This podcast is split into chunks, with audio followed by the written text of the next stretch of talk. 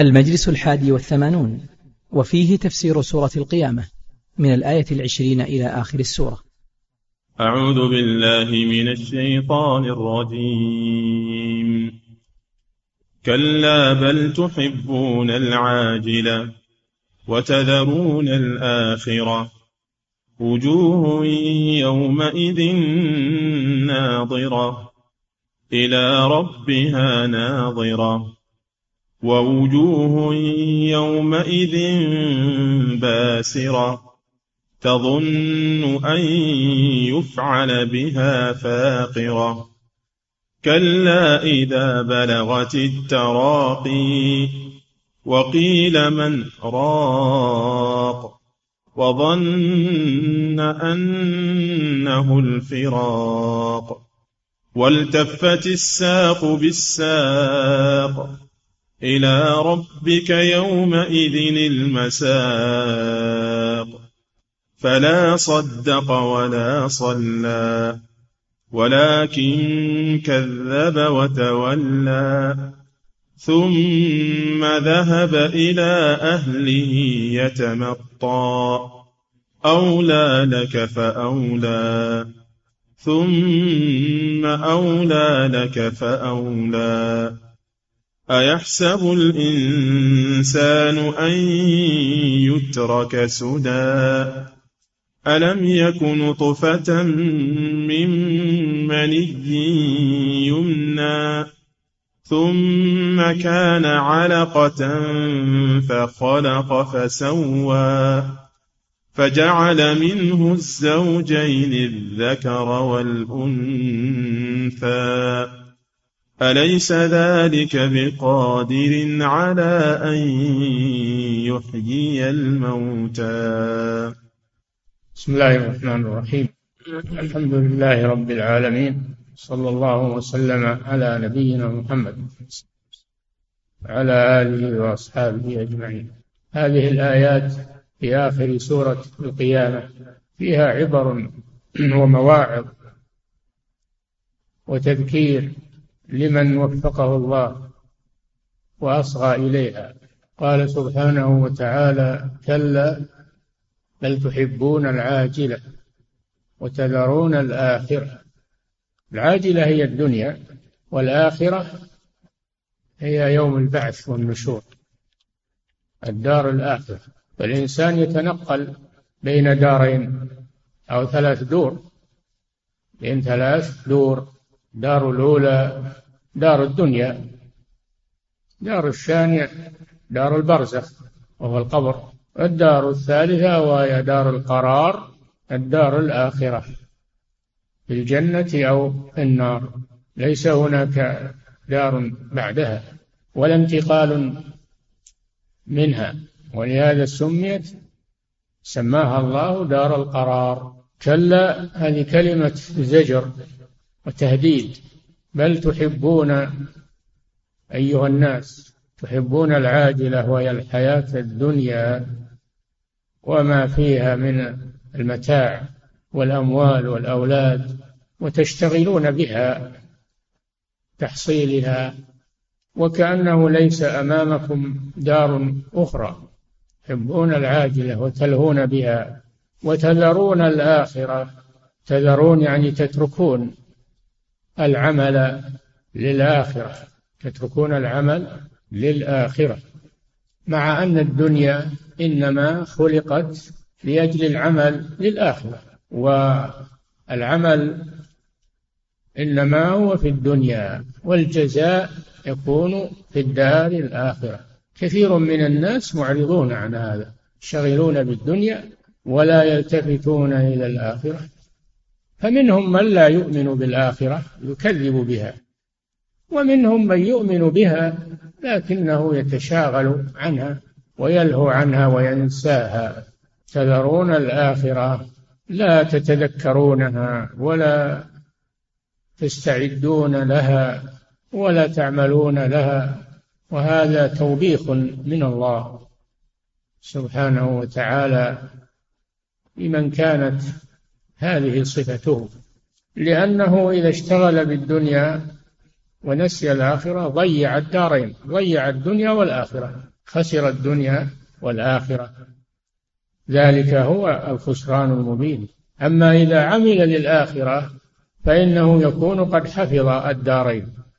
دار الدنيا لما خلقت له وهو العمل الصالح والدار الآخرة يفوز بها بالجزاء في الجنة. والنعيم المقيم. فهذا حفظ دنياه وآخرته وهذا توفيق من الله سبحانه وتعالى. ومن تنبه لذلك أعانه الله ويسر له. من أراد الآخرة وسعى لها سعيها وهو مؤمن فأولئك كان سعيهم مشكورا. لا يضيع عند الله سبحانه وتعالى. أراد الآخرة وسعى لها سعيها. لا بد من السعي لها بالعمل الصالح. ما يكفي أنه يؤمن بالآخرة ولا يعمل لها. من أراد الآخرة وسعى لها سعي وكذلك لا يكفي أنه يعمل بدون نية للآخرة لأن الأعمال بالنيات. أراد من أراد الآخرة أراد يعني نواها. وتذرون الآخرة. ألا تعملون لها مع أنها هي مستقركم ومصيركم والدنيا التي تعلقتم بها زائلة وفانية. ولكن هذا يحتاج إلى عقل وتدبر وإيمان بصيرة مع التوفيق من الله سبحانه وتعالى.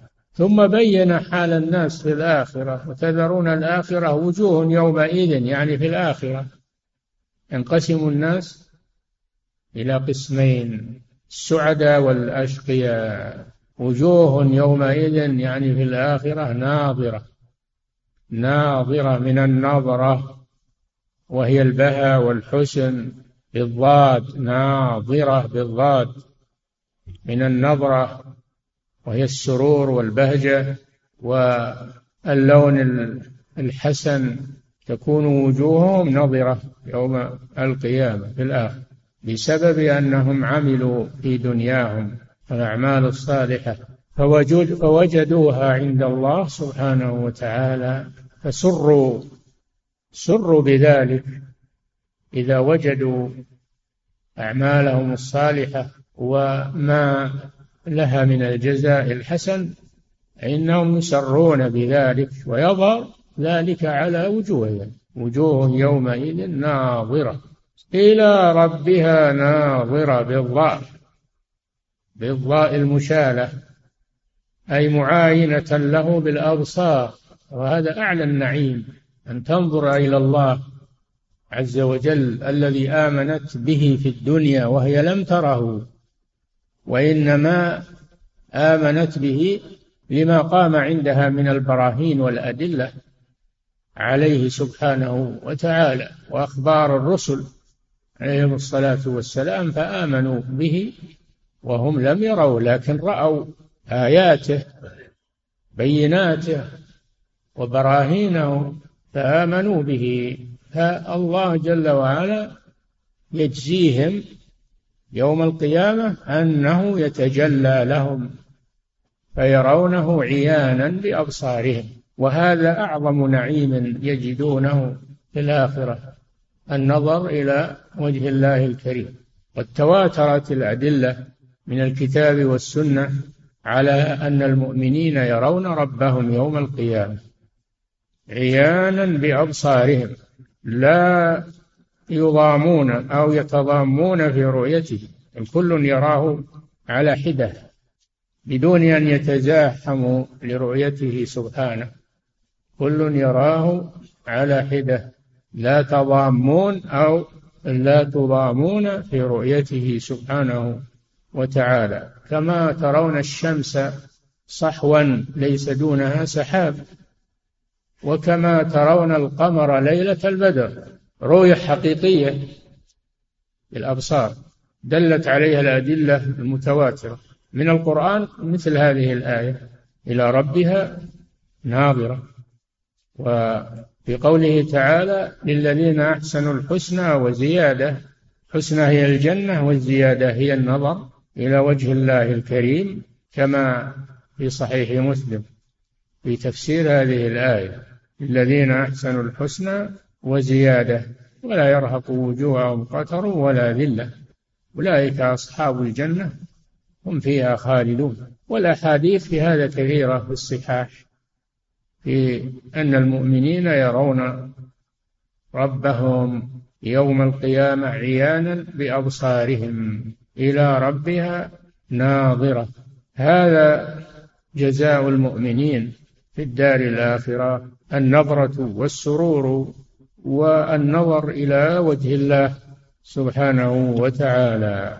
ومما يدل على أن المؤمنين يرون ربهم في القرآن قوله تعالى عن الكفار كلا إنهم عن ربهم يومئذ لمحجوبون. فالكفار لا يرون الله يحجبون عن ذلك لأنهم كفروا به في الدنيا لم يؤمنوا به فحرم فحرموا من رؤيته يوم القيامة.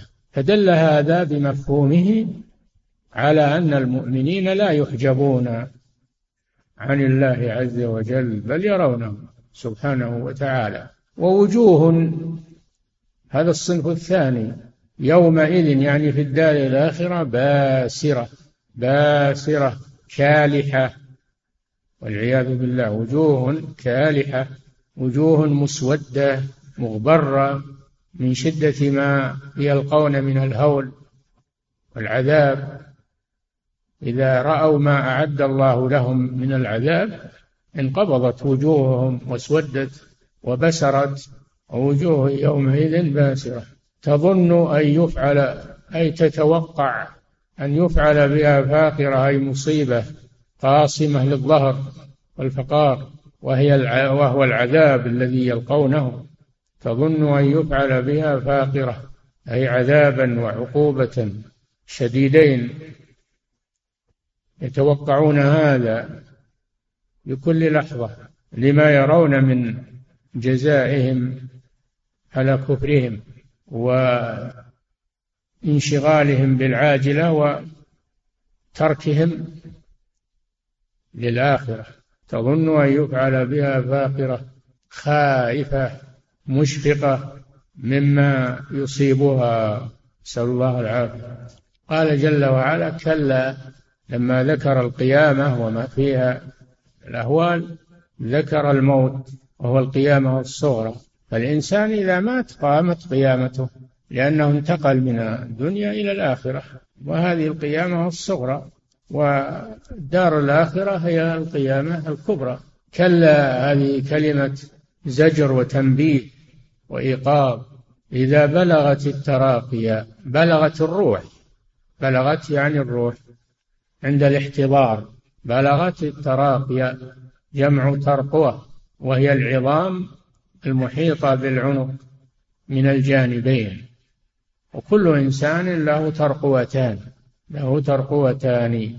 بلغت الروح التراقي كما في الآية الأخرى كما في الآية الأخرى إذا بلغت الحلقوم.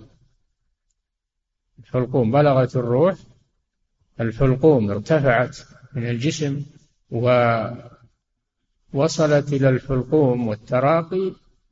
ثم يقبضها الملك.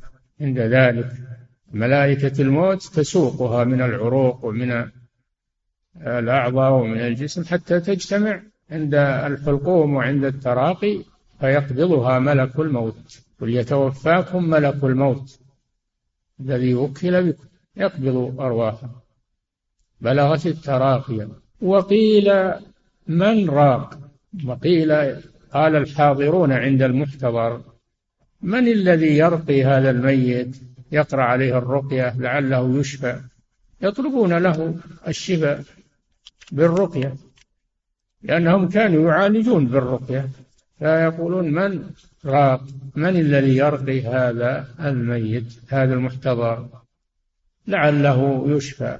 وقيل من راق أي من الذي يرقى بروحه إلى السماء لأن الروح إذا قبضت يصعد بها إلى السماء. فروح المؤمن تصعد بها ملائكة الرحمة وانتهى بها إلى الله سبحانه وتعالى ثم يأمر بردها إلى الأرض وروح الكافر يصعد بها أيضا مع ملائكة العذاب. فإذا وصلوا إلى السماء الدنيا أغلقت أبوابها. فلا تدخل السماوات لا تفتح لهم أبواب السماء. فتطرح إلى الأرض طرحا بشدة والعياذ بالله. وقيل من راق؟ أي من يرقى بروحه؟ إما هل هم ملائكة الرحمة أو ملائكة العذاب؟ والتفت الساق بالساق عند الاحتضار. التفت الساق بالساق.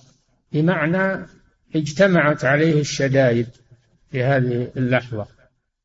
اجتمعت على المحتضر الشدائد شدة الألم ونزع الروح وشدة العذاب الذي ينتظره وشدة مفارقته للأهل والأموال. هي شدائد تجتمع عليه زيادة على ما هو فيه من الاحتضار. التفت الساق بالساق يعني اجتمعت عليه الشدائد في هذه اللحظة. والساق يطرق يطلق ويراد به الشدة. وقيل المراد التفت الساق بالساق.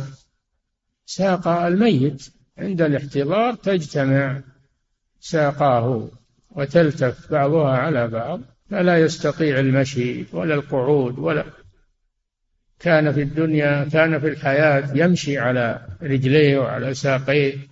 الآن تعطلت. تعطلت أرجله. تعطلت رجلاه وانطوى بعضها على بعض ولفت في الكفن. اجتمعت ولفت في الكفن. بدل أن كانت تتحرك وتنقل صاحبها تعطلت ولفت بالكفن. أو التفت يعني التوى بعضها على بعض. والتفت الساق بالساق. إلى ربك لا إلى غيره هذا حصر. إلى ربك يومئذ المساق أي المصير. وين يروح المحتضر هذا؟ يروح إلى ربه. يلقى ربه سبحانه وتعالى. كل كل الخلق كل بني آدم يلقون ربهم المؤمن والكافر والمطيع والعاصي. يلقون ربهم سبحانه وتعالى. إليه يردون ويرجعون. لا مفر لهم عنه ولا محيد عنه إلى ربك يومئذ المساق. ليس لهم مهرب ولا مأوى عن الذهاب إلى الله سبحانه وتعالى.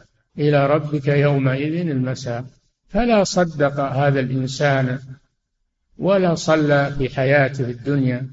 ما صدق يعني ما آمن بالله ورسوله بل كفر. ولا صلى لله عز وجل. فهذا فيه تعظيم شأن الصلاة وأنها تأتي بعد الإيمان بالله. وأنتم تعلمون أن الصلاة هي ثانية أركان الإسلام بعد الشهادتين. فإذا شهد أن لا إله إلا الله وأن محمد رسول الله صدق وآمن. تأتي الصلاة أول شيء. أول أعمال المسلم الصلاة. ما صدق. ما آمن بالله ولا صلى. هذا الذي احتضر ومات ما صدق ولا صلى. ما آمن بالله عز وجل ولا صلى لله عز وجل. ماذا تكون حاله إذا فلا صدق ولا صلى. ولكن كذب. بدل صدق كذب وكفر بالله عز وجل. بدل صلى تولى لأن الصلاة إقبال على الله جل وعلا وتركها تولي وإعراض عن الله عز وجل. فهذا فيه تعظيم قدر هذه الصلاة التي يتهاون بها كثير من الناس ويزهدون فيها. هذا مصيرهم يوم القيامة. من ضيع الصلاة هذا مصيره. فلا صدق ولا صلى. ولكن كذب وتولى ثم ذهب إلى أهله في الدنيا في حياته. ذهب إلى أهله يتمطى متكبرا في مشيته. ما كأن وراءه حساب وجنة ونار. ما ذهب إلى أهله يتمطى في مشيته ويتكبر في مشيته. قرير العين بما هو فيه. من الدنيا ثم ذهب إلى أهله يتمطى مغرورا بدنياه مغرورا بما هو فيه ولا يتصور هذا المصير وهذا الموت والاحتضار وشدائد الموت ما يتصور هذا يغفل عنه. ثم ذهب إلى أهله يتمطى قال الله جل وعلا أولى لك فأولى ثم أولى لك فأولى. هذه كلمة عذاب ووعيد. كرره الله تأكيدا. كرر هذا الوعيد عليه تأكيدا وتهديدا له. أولى لك فأولى ثم أولى لك فأولى. ثم قال جل وعلا أيحسب الإنسان؟ هذا الإنسان الذي لا صدق ولا صلى ثم ذهب إلى أهله يتمطى متفاخرا متكبرا ومتشاغلا في دنياه. أيحسب أن يظن أن يظن أن يترك سدى. لا يؤمر ولا ينهى ولا يبعث ولا يجازى. أيحسب أن يترك سدى مهملا. فلذلك حصل منه ما حصل. لا لا يترك سدى بل إنه سيبعث ويجازى بعمله ولا يترك هملا.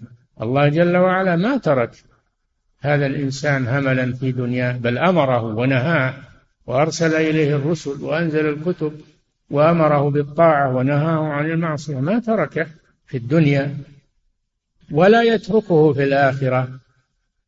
لا يجازى على عمله.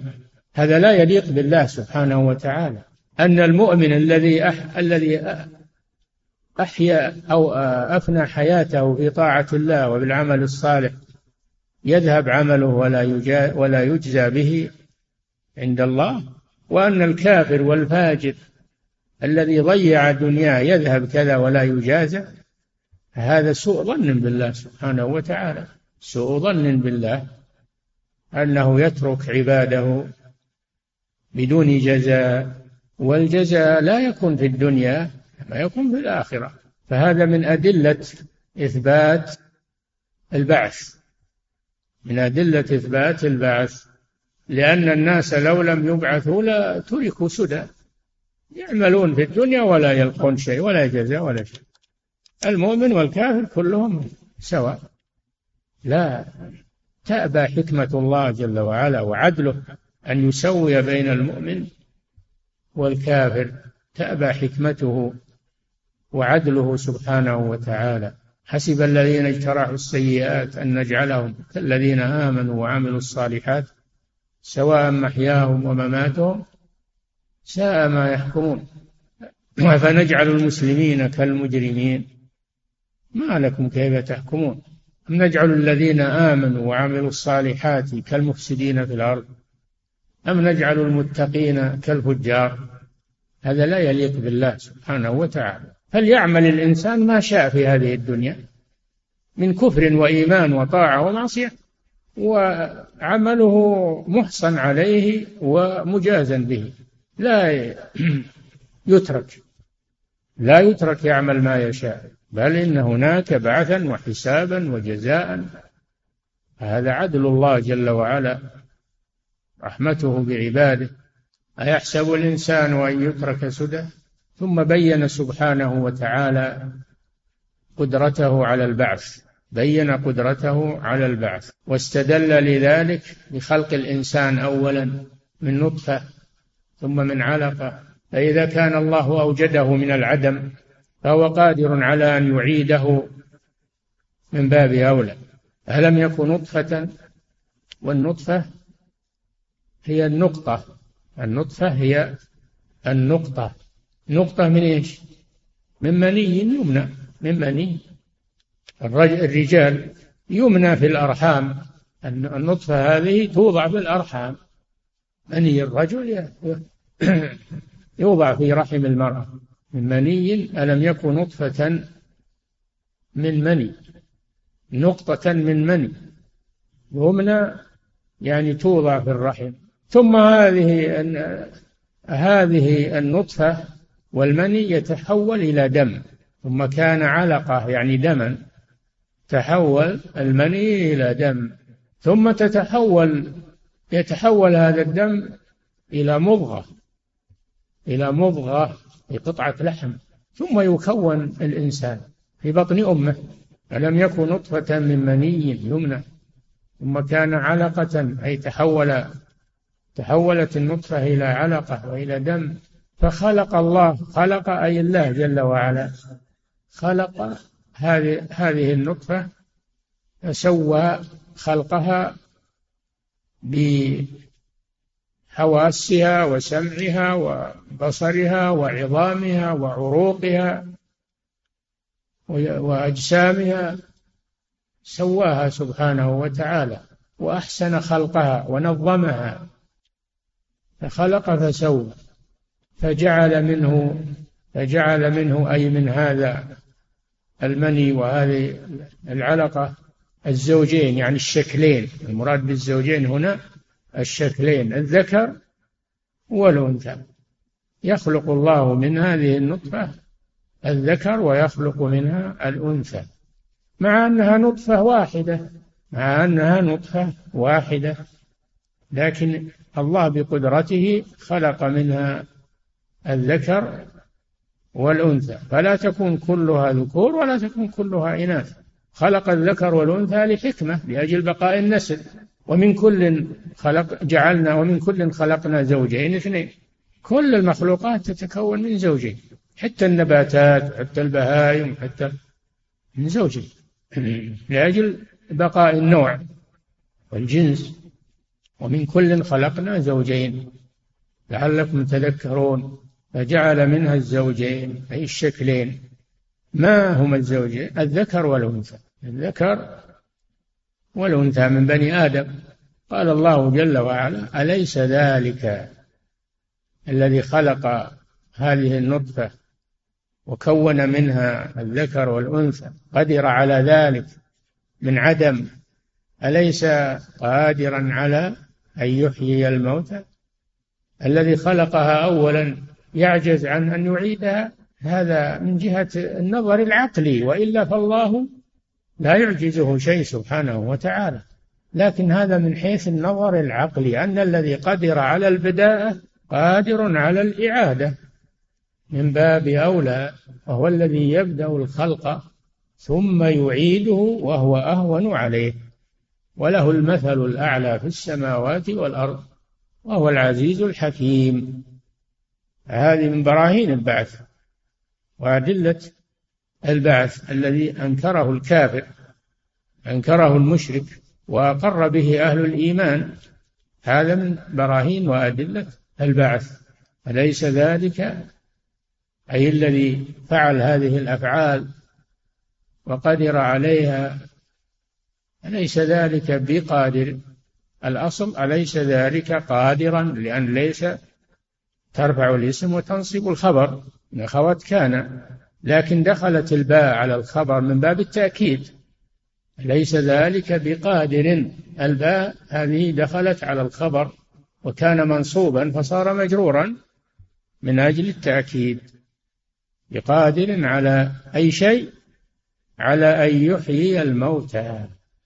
الميت الذي صار رميما وترابا الله يقدر على جمعه وخلقه مرة ثانية.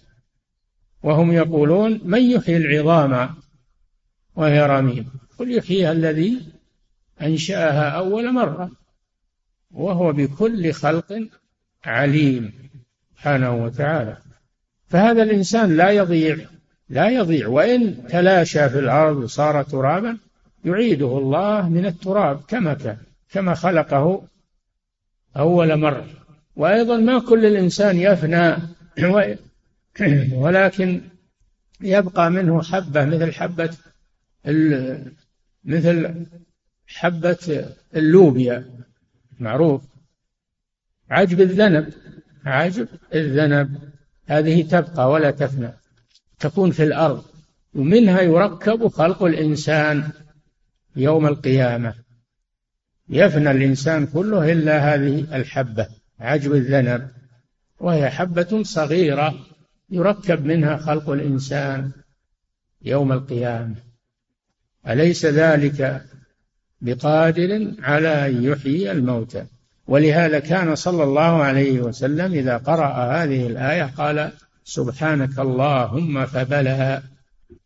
فيستحب عند قراءة هذه الآية أن يقول المؤمن سبحانك اللهم فبلى. هذا آخر تفسير سورة القيامة. والله تعالى أعلم. صلى الله وسلم على نبينا محمد وعلى آله وأصحابه أجمعين. نعم. يقول فضيلة الشيخ وفقكم الله هل الإنسان في الآخرة؟ ها؟ هل الإنسان في الآخرة؟ يتذكر أعماله في الدنيا؟ يلقاها أو يتذكرها يلقاها عيانا. مكتوبة في كتاب لا يغادر صغيرة ولا كبيرة. يعطى كتابه ويقال له اقرأ كتابك كفى بنفسك اليوم عليك حسيبا. اقرأ كتابك. فلا ينكر منه شيئا. لا ينكر منه شيئا. نعم. يقول وهل يتعارف الناس في الآخرة كما كانوا يتعارفون في الدنيا؟ بلا شك. انهم يتعارفون في الآخرة. يتعارفون بينهم. يوم نحشرهم جميعا ويوم نحشرهم. نعم. كأن لم يلبثوا إلا ساعة من نهار. يتعارفون بينهم. يتعارفون بينهم. يعرف بعضهم بعضا. ويعرف. يعرف الأب ابنه والأخ أخاه لكن ما أحد يستطيع يساعد الآخر. يوم يفر المرء من أخيه وأمه وأبيه وصاحبته وبنيه لكل امرئ منهم يومئذ شأن يغني. يبصرونهم يود المجرم يومئذ يبصر بعضهم بعضا. فما في شك أنهم يتعارفون لكن ما أحد يستطيع ينفع أحد في ذاك الموقف في ذاك اليوم. كل مشغول بعمله. نعم. يقول فضيلة الشيخ وفقكم الله في قول النبي صلى الله عليه وسلم من شرب الخمر في الدنيا لم يشربها في الآخرة. هل شارب الخمر لا يدخل الجنة أم أنه إذا دخل الجنة لا يشربها؟ يحرم يحرم من شراب الجنة من هذا النوع من شراب الجنة وهو الخمر اللذيذ الطيب. يحرم منه. إذا دخل الجنة يحرم من شرب خمر الجنة. عقوبة له. نعم وليس معناه أنه لا يدخل الجنة. نعم. يقول فضيلة الشيخ وفقكم الله حذرت الآيات من محبة الدنيا والتشاغل بها. هل هذا على الإطلاق أم أن هناك أمورا؟ الأمور الدنيا إذا استعان بها على أمور الآخرة هذا محمود أما إذا لها بها وترك الآخرة هذا هو المذموم. هو بالإنسان ممنوع وحرام عليه أنه ينتفع بما في الدنيا من الخير ومن الملذات ومن الطعام والشراب. هذا مباح له. قل من حرم زينة الله التي أخرج لعباده والطيبات من الرزق؟ لكن يستعين بذلك على عبادة الله عز وجل ولا يستعين به على الكفر والفجور والمعاصي. نعم. يقول فضيلة الشيخ وفقكم الله هل يكفر من أنكر رؤية الله في الآخرة أم يقال بأنه مبتدع؟ إذا علم بالأدلة وأنكرها أنكر الرؤية وهو يعلم بالأدلة فإنه يكفر لأنها متواترة. أما إذا كان مقلدا أو جاهلا فهذا يكون ضالا ولا يكفر حتى يبين له تبين له الأدلة. فإن أصر بعد البيان على الإنكار كفر. والعياذ بالله. نعم.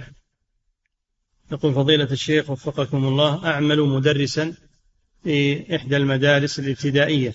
ها؟ يقول أعمل مدرسا في إحدى المدارس الابتدائية.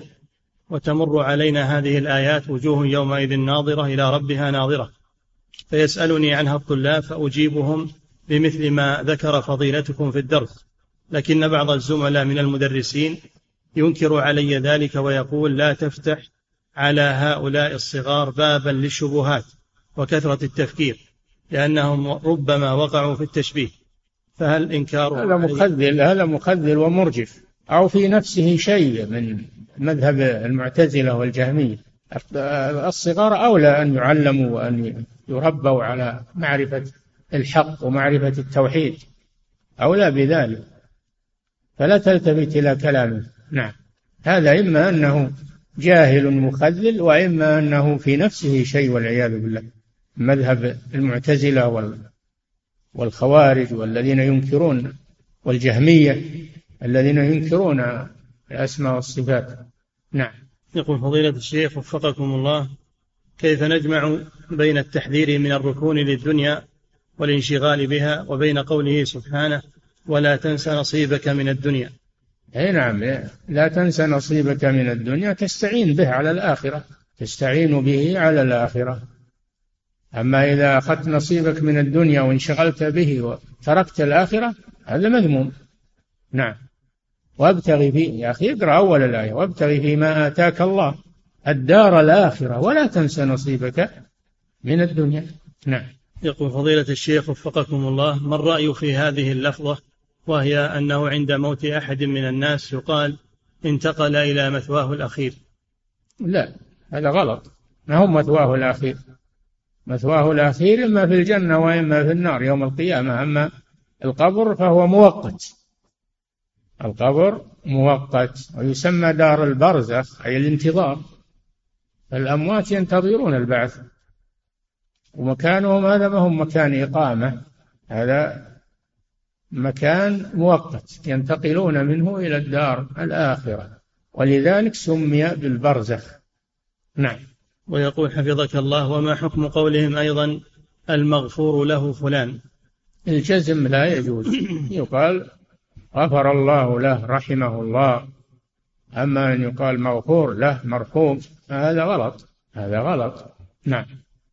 ويقول حفظك الله وهل لهم أن يقولوا المغفور له إن شاء الله؟ إذا قال إن شاء الله خف المحذور. لكن يقول غفر الله له رحمه الله لا بأس. نعم.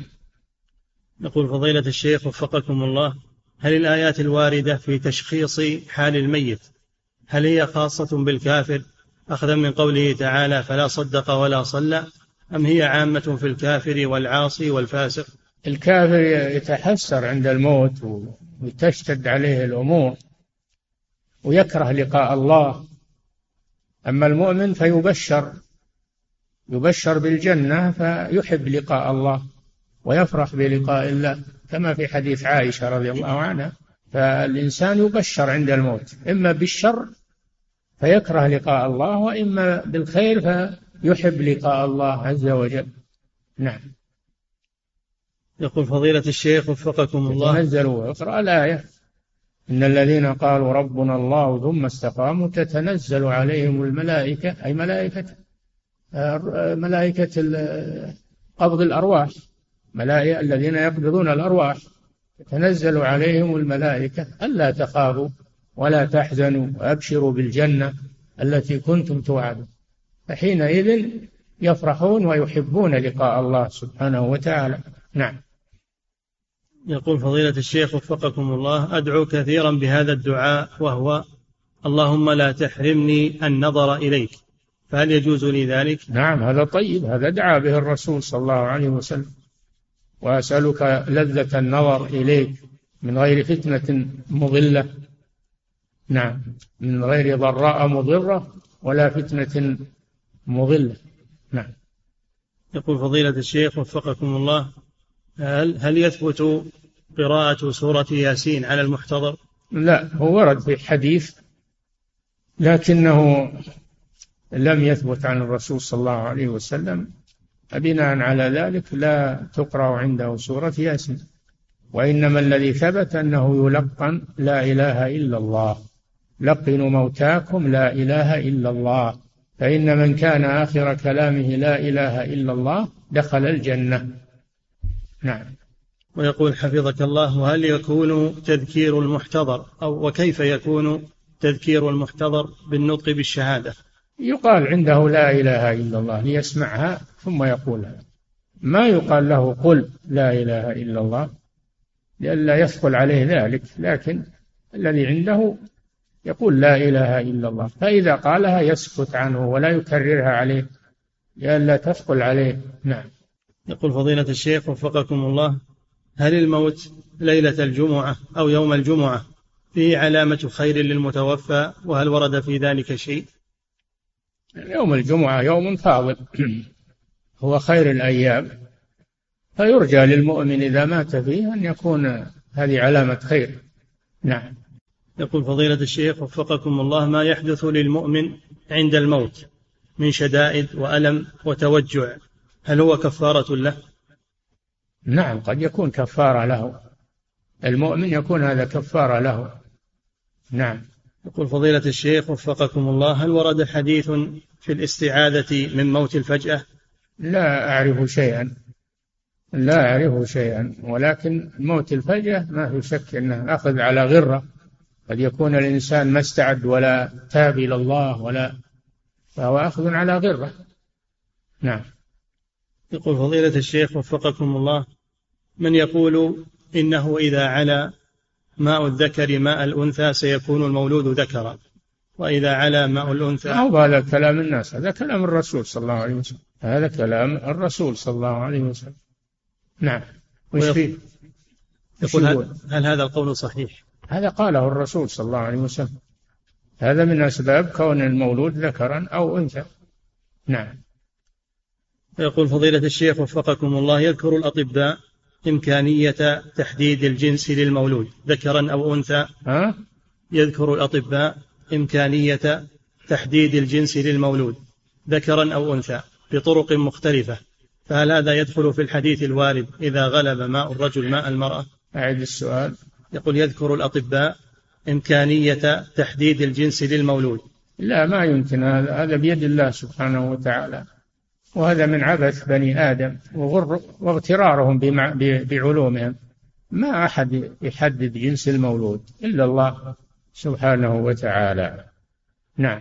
يقول فضيلة الشيخ وفقكم الله الذي لا يصلي هل يزوج بامرأة تصلي؟ الله أعلم. الله أعلم. الذي لا يصلي لا يدخل الجنة. إذا مات وهو لا يصلي لا يدخل الجنة لأنه كافر. نعم. يقول فضيلة الشيخ وفقكم الله عند ختم سورة القيامة هل يقال بلى في الصلاة؟ أي نعم. يقول هذا الدعاء في الصلاة وفي غيرها. نعم. يقول فضيلة الشيخ وفقكم الله بقوله سبحانه إلى ربها ناظرة. إلى ربها ناظرة. هل فيها دليل على إثبات جهة العلو لله سبحانه؟ نعم. يرون ربهم من فوقهم. يرون ربهم من فوقهم. ما هو يرونه بينهم ولا لا من فوقهم. يشرف عليهم سبحانه يتجلى لهم فينظرون إليه. مثل مثل القمر والشمس ينظرونها من فوقهم. هم يرونها في الأرض يرونها في السماء من فوقهم. نعم. يقول فضيلة الشيخ وفقكم الله بقوله تعالى عن المنافقين فأعقبهم نفاقا إلى يوم يلقونه. ما معنى اللقي في هذه الآية؟ وهل فيها دليل لمن قال بأن المنافقين يرون الله يوم القيامة؟ يلقونه لكن ما يرونه. الكفار يلقون الله بمعنى أنهم يصيرون إلى الله ويحشرون إلى الله. معنى يوم يلقونه يعني يوم يحشرون ويرجعون إلى الله سبحانه وتعالى. نعم. يقول فضيلة الشيخ وفقكم الله ما تفسير قوله سبحانه وإن منكم إلا واردها كان على ربك حتما مقضيا. هذا جاء في الحديث تفسير وهو المرور على الصراط. المرور على الصراط وهو الجسر الذي ينصب على متن جهنم. يمر الخلائق كلهم المؤمنون والكفار عليه.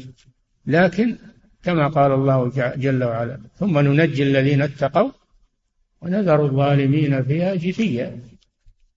فالمؤمنون يمرون عليه ولا يسقطون في النار يختلفون في المرور منهم من يمر آه، كالبرق منهم من يمر كالريح منهم من يمر كالفرس الجواد ومنهم من يمر ركاب الإبل ومنهم من يمشي مشيا ومنهم من من يعدو عدوى ومنهم من يمشي مشيا ومنهم من يزحف زحفا على قدر أعمالهم.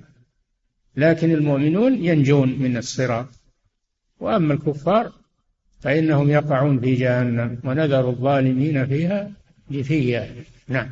يقول فضيلة الشيخ وفقكم الله هل لشخص أن يصلي في بيته صلاتي الظهر والعصر بسبب بعد المسجد عنه وهو ليس عنده سيارة ويخشى على نفسه من حر الشمس خاصة في مثل هذه الأيام؟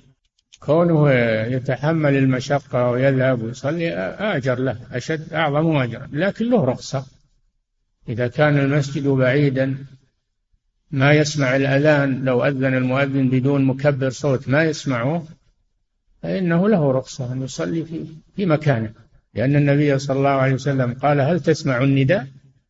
قل للأعمى هل تسمع النداء؟ قال نعم. قال أجب. لا أجد لك رخصة. فدل على أن البعيد الذي لا يسمع النداء بسبب البعد أنه لا تجب عليه صلاة الجماعة. نعم. يقول فضيلة الشيخ وفقكم الله ما توجيه فضيلتكم لطالب علم وقع في معصية ثم تاب منها لكن حصل عنده فتور في طلب العلم وفي ورده اليومي من القرآن وهو يخشى على نفسه من اليأس والقنوط.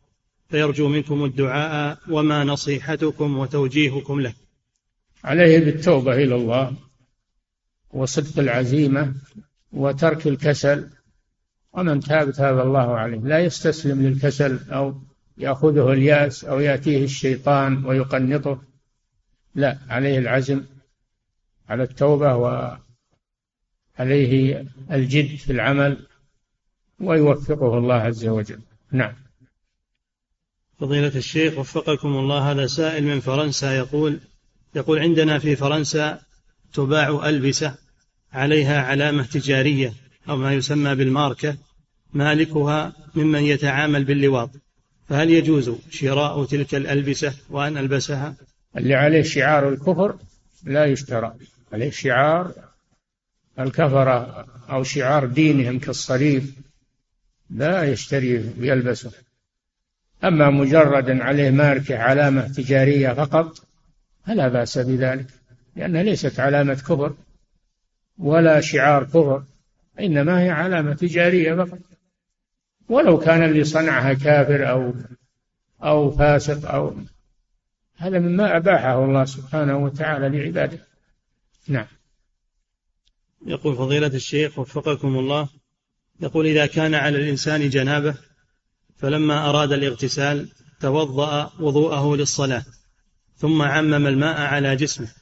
فهل يجب عليه أن يتمضمض ويستنشق حال الاغتسال أم يكفي الذي كان مع الوضوء؟ يكفي الذي كان مع الوضوء لأن الوضوء مقدمة للاغتسال.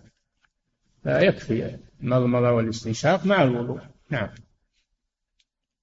يقول فضيلة الشيخ وفقكم الله امرأة كانت حاملا في الشهر الرابع فحملت شيئا ثقيلا فأسقطت جنينها وقد بدا فيه صورة آدمي. فهل يجب عليها دية وكفارة؟ نعم. إذا بلغ أربعة أشهر نفخت فيه الروح فإذا تسببت في إسقاطه ولو لم تتعمد. لأن الواجب عليها أن ترفق بنفسها وأن تحذر. فإذا تسببت في إسقاطه فعليها الكفارة والدية. الدية حق للورثة إذا طالبوا بها ويحملها العاقلة. لا دية الجنين ما تحملها العاقلة لأنها دون لأنها دون ثلث الدية فلا تحملها العاقلة تكون عليها إذا طالب الورث. أما الكفارة فلا بد منها. وهي صيام شهرين متتابعين. نعم. يقول فضيلة الشيخ وفقكم الله يوجد في أحد المساجد مكتبة كبيرة ويوجد فيها آلة تصوير وتصور العشر الأوراق بريال في هذا المسجد. فهل يدخل هذا في البيع في المسجد؟ نعم. لا يجوز أن يتخذ المسجد مكانا للحرفة. مكانا للحرفة تصوير الأوراق لصناعة شيء من الأمور الاحترافية ما تكون في المسجد. نعم. يقول أما إذا كانت الغرفة منعزلة عن المسجد وبابها على الشارع فلا بأس. أما إذا كان بابها على المسجد فهي تعتبر من المسجد. نعم. يقول فضيلة الشيخ وفقكم الله.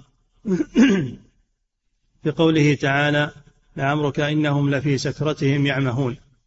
هل هذا قسم وهل هو قسم بحياة الرسول صلى الله عليه وسلم؟ نعم هذا قسم من الله بحياة الرسول صلى الله عليه وسلم.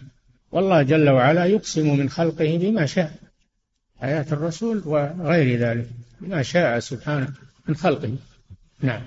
يقول فضيلة الشيخ وفقكم الله هل فتنة القبر وسؤال الملكين يكون للمؤمنين والمنافقين فقط أم هو يشمل الكافر أيضا؟ الذي ورد أنه للمؤمن والمنافق. أما الكافر فلا أدري. نعم. يقول فضيلة الكافر كافر ما يسأل عن الرسول صلى الله عليه وسلم ولا يسأل عن الدين لأنه كافر. نعم. يقول فضيلة الشيخ وفقكم الله. ما معنى حديث رسول الله صلى الله عليه وسلم؟ إذا رأيتم هوى متبعا وشحا مطاعا وإعجاب كل ذي رأي برأيه إلى أن قال فعليك بخاصة نفسك ودع عنك العامة. يقول ما معناه وما المقصود بالعامة؟ وهل معناه أنك ما تنجرف مع الناس. معناه أنك تلزم الحق ولا تنجرف مع الناس. بل تتمسك بالحق وتصبر عليه. وتأمر بالمعروف وتنهى عن المنكر. تدعو إلى الله. ما هو بتترك الأمر بالمعروف والنهي عن المنكر والدعوة إلى الله. لكن معناه أنك ما تنجرف مع الناس. تقول كل الناس على هذا. لا امسك امسك نفسك.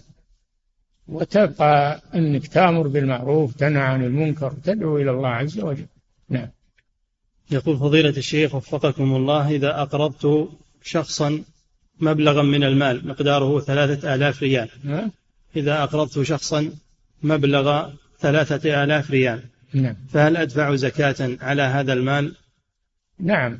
إذا تم الحول على مالك سواء بيدك أو بذمة المدين تزكيه. إلا إذا كنت تخشى أن لا يرجع هذا الدين بسبب أن المدين مفلس أو أنه مماطل ولا تدري يرجع لك ولا لا فهذا ما يجب عليك زكاة حتى تقبضه.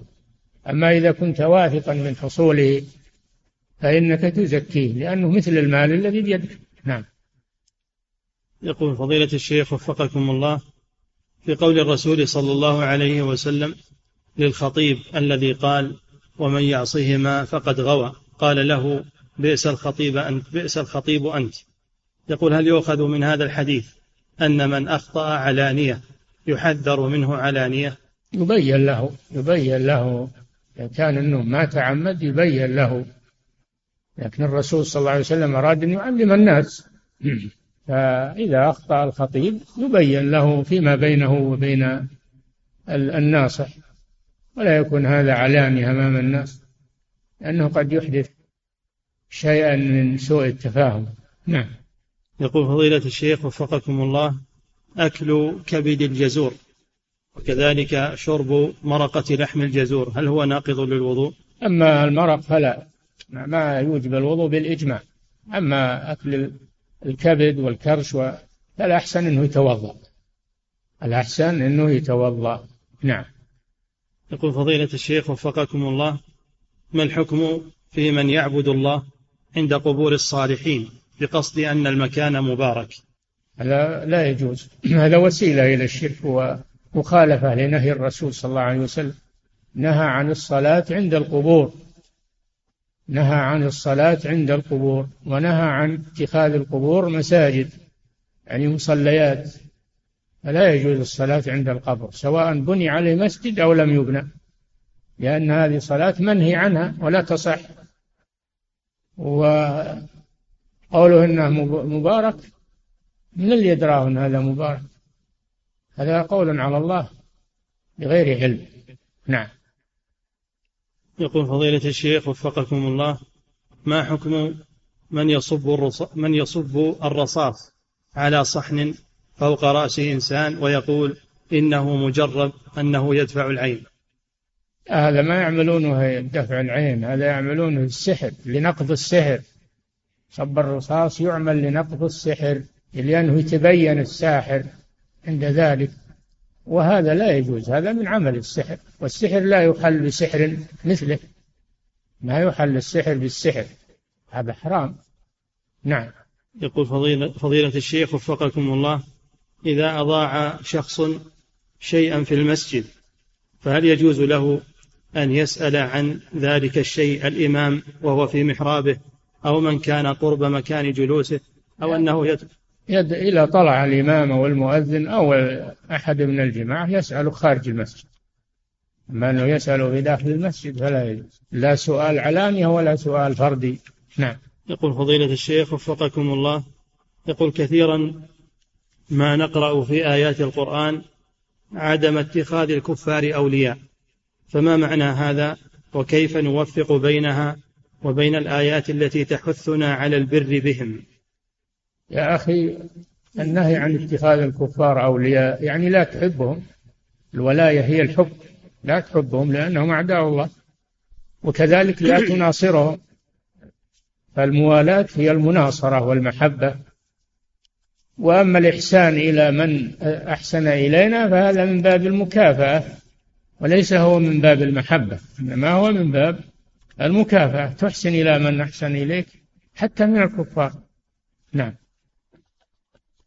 يقول فضيلة الشيخ وفقكم الله إذا دعاني بعض الإخوة للغداء وأنا صائم فما هو الأفضل؟ هل أجيب أم أتم صومي؟ إذا كان الصوم صوم تطوع فأنت بالخيار.